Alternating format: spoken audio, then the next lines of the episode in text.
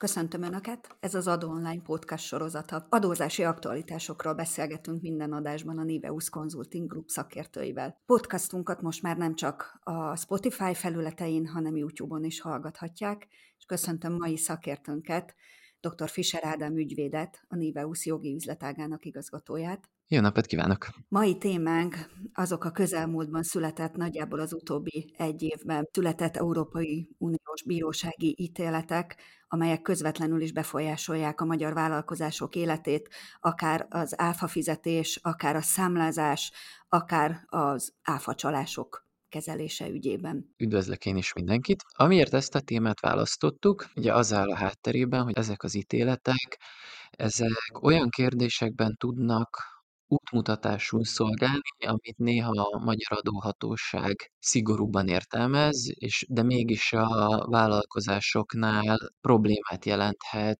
Gondolok itt például arra, hogy hogyan lehet egy számlát helyesbíteni, ezt nem mindig értelmezik ugyanúgy a magyar adóhatóság és az Európai Unió bírósága, holott utóbbinak a döntése egyébként, egyébként kötelező erejű a magyar adóhatóságra, és így végső soron mindannyiunkra. Akkor kezdjük is ezzel rögtön. Hogyan lehet helyesbíteni egy számlát utólag? Milyen ítéletek születtek ebben az ügyben? Itt azért azt szeretném hangsúlyozni, nem is a hogy hogy ezek már nem azok a döntések, ahol általában a az ilyen alapvető kérdéseket rendezik. Nem biztos, hogy mindenki ezekkel szembesülni fog, viszont vannak pont azok a bizonytalan helyzetek, amikor nagyon is fontos ezeket ismerni. Előjáróban azt emelném ki, hogy van egy alapvető szemlélete az Európai Unió bíróságának, és ha ezt a szemléletet elsajátítjuk, akkor azt gondolom, hogy jó eséllyel fogjuk tudni magunk is eldönteni azt, hogy egy adott helyzetben ez helyén való-e a számla helyesbítés. Ez a zsinórmérték a, az EUB-nál az, hogy gyakorlatilag a számlának az a szerepe, hogy az adóhatóság számára lehetővé tegye az áfa ellenőrzését. Tehát a számlának úgy kell léteznie, hogy abból meg lehessen állapítani, hogy tényleg a megfelelő összegű áfát fizették ebbe. Ez ilyen nagyon furcsán és általánosan hangzik, de valójában nagyon sok minden következik belőle. Elsősorban az, hogy a számlának nem feltétlenül kell azzal a szigorúsággal elkészülnie, hogy ezt néha itthon elvárják. Így például az EUB kimondta azt, hogy ha nem áll fenn egyébként adóbevétel kiesésének az esélye, akkor gyakorlatilag bármilyen időszakon belül lehetőség van arra, hogy egy számlát helyesbítsenek. Ugye az elévülésem időn belül ezt teljesen szabadon megtehetjük, hiszen, hiszen ez egy formai feltétele a, az áfa fizetésnek, meg az áfa levonásnak, aminek az a lényege, hogy utólag meg tudják nézni a számlatartalmát. Ez egy nagyon fontos mondat volt, hogy az elévülési időn belül bármeddig, én azt hiszem, hogy ezt kevesen tudják. Mennyire ismert ez a gyakorlat a magyar vállalkozások előtt, vagy mennyire tudják átültetni a gyakorlatba ezt a szemléletmódot és ezeket a döntéseket, amik erre vonatkoznak? Én azt gondolom, hogy a, hogy a magyar gyakorlatban ez egy téves, alapvetően téves szemlélet van ezzel kapcsolatban, és bizonyos szempontból lazábban kezelik a, az áf, a számlahelyesbítéseket és sztornózásokat, más szempontból viszont szigorúbban, mint ahogy ezt a, az EUB gyakorlata elvárja. Hogyha először, ez most még nem is ítélet kapcsán, hanem általában nagyon fontos hangsúlyozni, hogy számlát törölni, vagy helyesbíteni, azt akkor lehet, hogyha az valamiért nem követte le azt, ami eredetileg történt. Tehát például azért számlát sztornózni, mert amúgy nem fizettek ki, nem lehetséges hiszen a szolgáltatás megvalósult, vagy a terméket eladtam, akkor arról a számlát ki kell állítani, ugye egyébként 8 napon belül. Tehát csak azért, mert amúgy a vevő még nem fizetett, erre hivatkozva halasztani a számla kiállítást, vagy erre hivatkozva sztornózni egy számlát nem lehet. Ez szerintem egy alapvető tévedés, ami, ami itthon él, hogy majd Igen. én kiállítom a számlát, hogyha kifizetek. Igen, pont ezt, pont ezt akartam mondani, hogy sajnos ez a gyakorlatban ennek ellenére előfordul gyakran. Aki ezzel szembesül, annak két dolgot tudok javasolni. Az egyik, hogy egyébként évi 125 millió forintos árbevételig, tehát egy egész nagy árbevételig lehet úgynevezett pénzforgalmi szemléletű elszámolást választani, amit szerintem kevesen ismernek. Az pontosan arra szolgál, hogy ugye a számlát ki kell állítanom, ez alól nincs mentség. De aki pénzforgalmi szemléletű elszámolást választ, annak nem kell befizetni az áfát addig, amíg ő nem kapta meg a pénzt a vevőjétől. Tehát annak, akinek ez egy valós probléma, például nagyon hosszú fizetési határidőket kap a megrendelőitől, annak javaslom ezt a megoldást, és akkor, akkor ezzel ezt az egész problémát elkerülheti. A másik, és ez már, ezzel már rá is térhetünk az EU-B ítéletekre, ha az pedig a behajthatatlan követelésekre eső áfa. Ez egy kevésbé örömteli megoldás, abban az értelemben, hogy a pénzforgalmi szemléletű elszámolás az egy azonnali orvosság, nem fizetek áfát, amíg nem kaptam meg. A behajthatatlan követelésnél be kell fizetnem az áfát, de ha nem fizettek ki, akkor később visszakaphatom azt. Ezzel kapcsolatban ugye számos EUB döntés született már az elmúlt években, viszont egyre jobban tisztázzák azt, hogy ezt milyen körben kell alkalmazni, és úgy néz ki, hogy ezeknek az EUB döntéseknek, amik már azt is meghatározták, hogy mennyi időn belül kell ezt lehetővé tenni, melyik időpillanattól kezdve, milyen kamatot kell fizetni, most már ez a kérdés az EUB előtt az ilyen behajthatatlan követelések áfája után, kezd kirajzolódni az a kép, hogy gyakorlatilag teljes körűen biztosítani kell, akkor is, hogyha egyébként már eltelt az elévülési az eredeti számla kiállítása óta, és ezt egyébként át is ültették az ÁFA törvénybe. Az ÁFA törvényben van egy nagyon részletes feltételrendszer, hogy milyen módon lehet igazolni, hogy ez valóban behajthatatlanná vált, és, és gyakorlatilag elévülési időn túl is van erre most már egy kifejezetten erre vonatkozó eljárás. Pont azért, mert az EUB azt mondta, hogy nem lehet az eredeti számlának az elévülési idejéhez igazítani a, a behajthatatlan követelések áfájának visszafizetését. Igen, pont ehhez kapcsolódna a következő kérdés, hogy mennyi idő az, amíg ez jogszabályi szinten is, vagy legalább a NAV gyakorlata szintjén átültetődik a magyar jogrendszerbe. Ez az egyik kérdés, és a magyar vállalkozások. Nyilván az a vállalkozás, aki az EUB-hoz fordult, az azonnal ismeri a következményeit, jogkövetkezményeit, és próbálja is alkalmazni, pláne ha kedvezőbb rá, de az összes többi vállalkozás mikor jut el odáig, hogy megismeri ezeket az ítéleteket, és tudja a gyakorlatban alkalmazni? Ennek több szintje van. Vannak olyan nagy hírverést kapó esetek, amikről látjuk, hogy néhány hónapon belül jogszabályi szinten megjelennek. Ugye ez attól is függ, hogy, hogy arról van szó, hogy nem jó a jogszabály, vagy arról van szó, hogy nem megfelelően alkalmazták az egyébként jó jogszabályt. A behajthatatlan áfa az azt hiszem, hogy egy fél éven belül törvényi szinten orvosolva lett. Abba az is beletartozott, hogy a törvényi szintű orvoslás az igyekezte ezt leszűkíteni, hogy minél kevesebb ilyen áfát kelljen visszafizetni azóta elég nagy tempóban korrigálják az újonnan született EUB döntések kapcsán. Például pont ezt a feltételrendszert lazították, hiszen az EUB azt mondta, hogy túl szigorú volt a feltételrendszer. Amikor gyakorlati kérdésekben születik döntés, például a most említett mennyi időn belül lehet a számlát korrigálni. Ebben látunk egyfajta csorgási időt, amíg lecsorog az EUB szintjéről a, a NAV és a gyakorlati jogalkalmazás szintjére. Mindenki azt nézi, hogy a fel, az ő értelmében vett felettes szerve hogy fogja itt megítélni az ő döntését.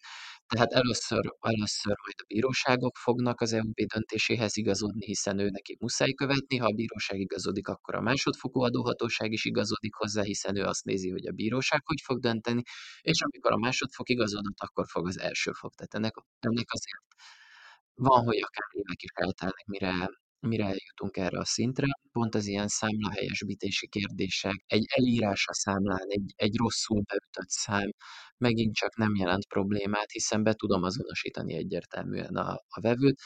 Azzal a zárójeles megjegyzéssel, hogy az online számla világában azért ezekre egyre kisebb az esély, hiszen a szoftverek maguk már betöltik a legfrissebb adatokat automatikusan.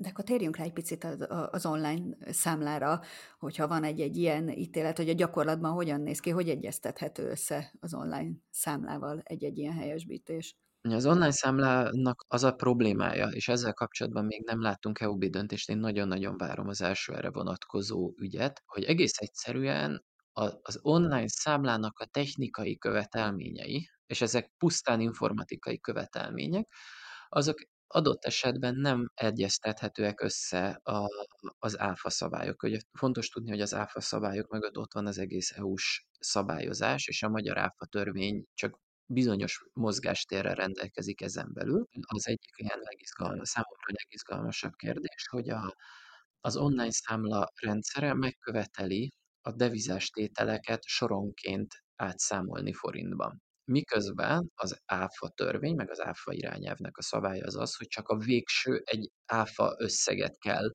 átszámolni euróról forintra, teljesen érthető okokból egyébként. Ezért itt nemzetközi vállalkozásoknak van mondjuk egy nemzetközi szoftverre, ami erre egész egyszerűen nincs felkészülve, hiszen ő csak az utolsó sort fogja átszámolni forintra, konkrétan az áfa összeget. Nagyon kíváncsian várom, hogy ez valaha el fog jutni az EUB-ra. Van egy olyan tippem, hogy nem, mert hát a vállalkozók alkalmazkodnak a valósághoz, és előbb-utóbb megszületik a megfelelő szoftver. Igen, nagyjából én is erre számítok egyébként. Ezt egyszer egy adótanácsadó úgy fogalmazta meg, hogy az első bírság után hirtelen működni szokott a szoftver a NAV által elvárt módon. Jó, ez nagyon szép végszó volt ebben a témában.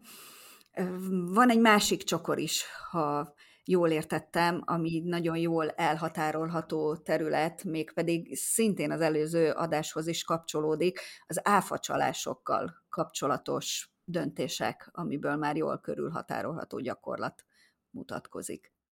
Hát itt sem egy mai történetről beszélünk, itt megint arról van szó, hogy az elmúlt egy évben is születtek olyan döntések, ahol az EUB részben megerősítette önmagát, részben új, új szempontokat hozott be az áfa csalások körében azzal kapcsolatban, hogy a, az áfa csalásnak mondjuk úgy, hogy ártatlan áldozata. Tehát mondjuk, aki egy olyan partnerrel került kapcsolatba, ahol a partner áfát csalt el, de egyébként a maga cég ebben nem működött közre, nem ő kapta vissza az áfát, nem, nem tudatosan fiktív számlákat vásárolt, neki meddig kell elmennie a partnerek ellenőrzésében. Itt például olyan kérdések merültek föl, hogyha egy külföldről vásárolt személygépjárműnél a külföldi eladó utólag kiderült, hogy töredékét vallotta be annak az áfának, amit a számlán feltüntetett, akkor a, a vevőnek, aki ugye nem, ennél sokkal magasabb levonható áfát szerepelt, akkor hogyan kell az ő esetében eljárni. Ez a kérdés ugye nem automatikus, mert persze, hogyha részt vett az áfacsásba, akkor nem vonhatja le az áfát, ezt mindenki ismeri. De mi a helyzet akkor, hogyha az eladóm kevesebb áfát vallott befizetendő áfaként, mint amennyit én levontam? Az egész áfának a levonása megtagadható, vagy csak a különbözetnek? És mit mond az ítélet? Az ítélet azt mondta, hogy abban az esetben, hogyha egyébként ezt régóta ismert tesztet, hogy ő tudta, vagy tudnia kellett volna, körülményekből ezt fel kellett volna ismernie, akkor bizony az egész áfa levonása megtagadható tőle, annak ellenére egyébként, hogy valamennyit a másik oldal bevallott. Tehát az EUB gyakorlatából ebben van most ebben egyfajta szigorítás. Volt egy nagyon a magyar adóhatósághoz képest nagyon laza EUB gyakorlat, amiből egy bizonyos szempontból kezd visszatáncolni az EUB, és úgy látjuk, hogy ha azt lehet bizonyítani, hogy ő tudott arról, vagy fel kellett volna ismernie, ilyen szempontokat is vizsgált például most legutóbb az EUB, hogy hogyan minősül az irracionálisan alacsony árrés, hogyan lehet figyelembe venni azt, hogy élelmiszerbiztonsági szabályokat uh, sértett meg, hogyha, hogyha ezeket a szempontokat a NAV bizonyítja, akkor, akkor bizony annak kőkeményen be lehet hajtani a jogkövetkezményeit. Tehát az a fajta gyakorlat, ami korábban kialakult az EU-ba, semmit nem lehet ráterhelni a, a megrendelőre, az azért egy kicsit szigorodott. Ez nem csak kicsit, azért ez elég, elég erős szigorodásnak tűnik, bár még ezek szerint még mindig ott van az, hogy ha tudnia kellett volna, itt azért vannak gondolom bizonyítási lehetőségek mind a két fél részéről. Abszolút, pont egy olyan részben magyar vonatkozású ügyben, ahol egy román cégnek volt még magyar adóregisztrációja is, és arra jutott a NAV, hogy a magyar NAV ellenőrizte, hogy a körhinta csalásban vett részt, és ehhez a viszonylag szokásos szempontokat vette figyelembe, ugye épp amit említetted, az irracionális ár és egyéb ilyen élelmiszerbiztonsági szabályok megsértése, egyáltalán nem úgy jártak el, ilyen személyi összefonódás volt a láncban, és hogy új, újfent kimondta az EUB, hogy nem várható el indokolatlan szintű partnerellenőrzés. Tehát van, vannak bizonyos dolgok, amiket meg kell tenni, adószám ellenőrzése, az általában alapelvárás, hogy mondjuk az ügyvezető járjon el a legalább a szerződés aláírása esetén. Ez az ügyvezető, ez lehetőleg ne legyen ránézésre valamilyen stróman, ilyeneket is szokott vizsgálni a NAV, de a, ezen a bizonyításon túllép, ebben azt gondolom, hogy ebben a gyakorlat az viszonylag töretlen, hogy mit vár el az EUB ebben a bizonyításban, de annak a jogkövetkezményeiben abban teljes szigorral lép föl az EUB is, és talán ez egyébként korábban nem volt ennyire egyértelmű, mivel nem jutottunk el eddig a problémáig, ezek ilyen izgalmas esetek. Az, azért is izgalmas, hogy azt látni, hogy milyen eszközei vannak, milyen bizonyítási eszközei vannak a vállalkozásnak, mert a, itt azért a NAV az nyilván ö, előnyben van, ha mentesülni akar a vállalkozás, akkor neki kell bizonyítani azt, hogy ő úgy járt el, ahogy ebben a helyzetben el lehetett járni, mit tud itt felsorakoztatni egy érintett vállalkozás? Vagy mit sorakoztatott fel az adott ügyben, gondolom volt előzménye. Hát nagyon örülök ennek a kérdésnek, mert ez egy, ez egy nagyon régi alapvető vitát érint valójában. Itt most adó levonási jogról beszélünk. Ketté kell választani az adólevonási jogot, meg az adómentességet. Tehát a közösségen belül meg egyéb értékesítések adómentességénél a magyar jogszabály és az EUB gyakorlat is azt írja elő, hogy az adómentesség feltételeinek bizonyítása az az adózón van.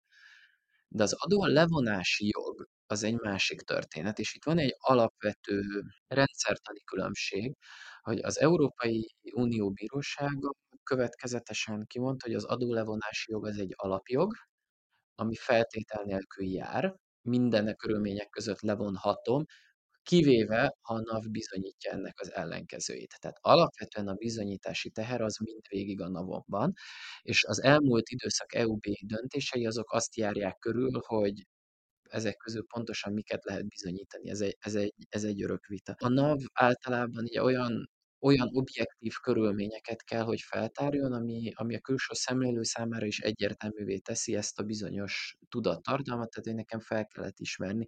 Az említett ügyve, nem az ügyvezető járt el, az általában egy, általában egy elég, elég nagy probléma, hogy valami a céghez nem kapcsolható személy. Amit itt szintén vizsgáltak, az, az olyan esetek, amikor az értékesítési sor vagy láncnak az elején meg a végén is ugyanazok a az ügyvezetők vagy tulajdonosok vannak, hiszen az is egy olyan külső szemlélők számára is egyértelmű szempont, amikor valakinek a saját cége tűnt el a sor elején, akkor ott azért nehéz azt mondani, hogy ő erről mégis a sor végén hogyan nem tudott, és hogyan lehet az, hogy nem tudhatott arról, hogy áfacsalás volt az értékesítési láncban. Ebből a két témából, amit érintettünk ma, az áfacsalásokból és a számla helyesbítésből, javításból, ami a gyakorlatban, a bíróság gyakorlatában látszik, mi az, amit a gyakorlatba át lehet venni a magyar vállalkozásoknak? Én, én azt gondolom, hogy ennek két nagy tanulsága van. Az egyik, hogy nem kell félni attól, hogy van egy kialakult NAV gyakorlat, ami esetleg megakadályozza például az ügyleteinknek a helyes bizonylatolását. Tehát csak azért, mert, mert amúgy nálunk nem szokás évekkel később helyesbíteni egy számlát, ez ettől nem kell tartani, hogyha az egyébként egy jogszerű helyesbítés kiderült valami olyan probléma, egy szerződés, félrenéztek, nem úgy minősítettek, akkor ettől nem kell tartani, ennek az egész következményeit kezelte az EUB. Egy dolog a fontos, és ez a másik tanulság, hogy az minden ilyenről legyen meg az irat.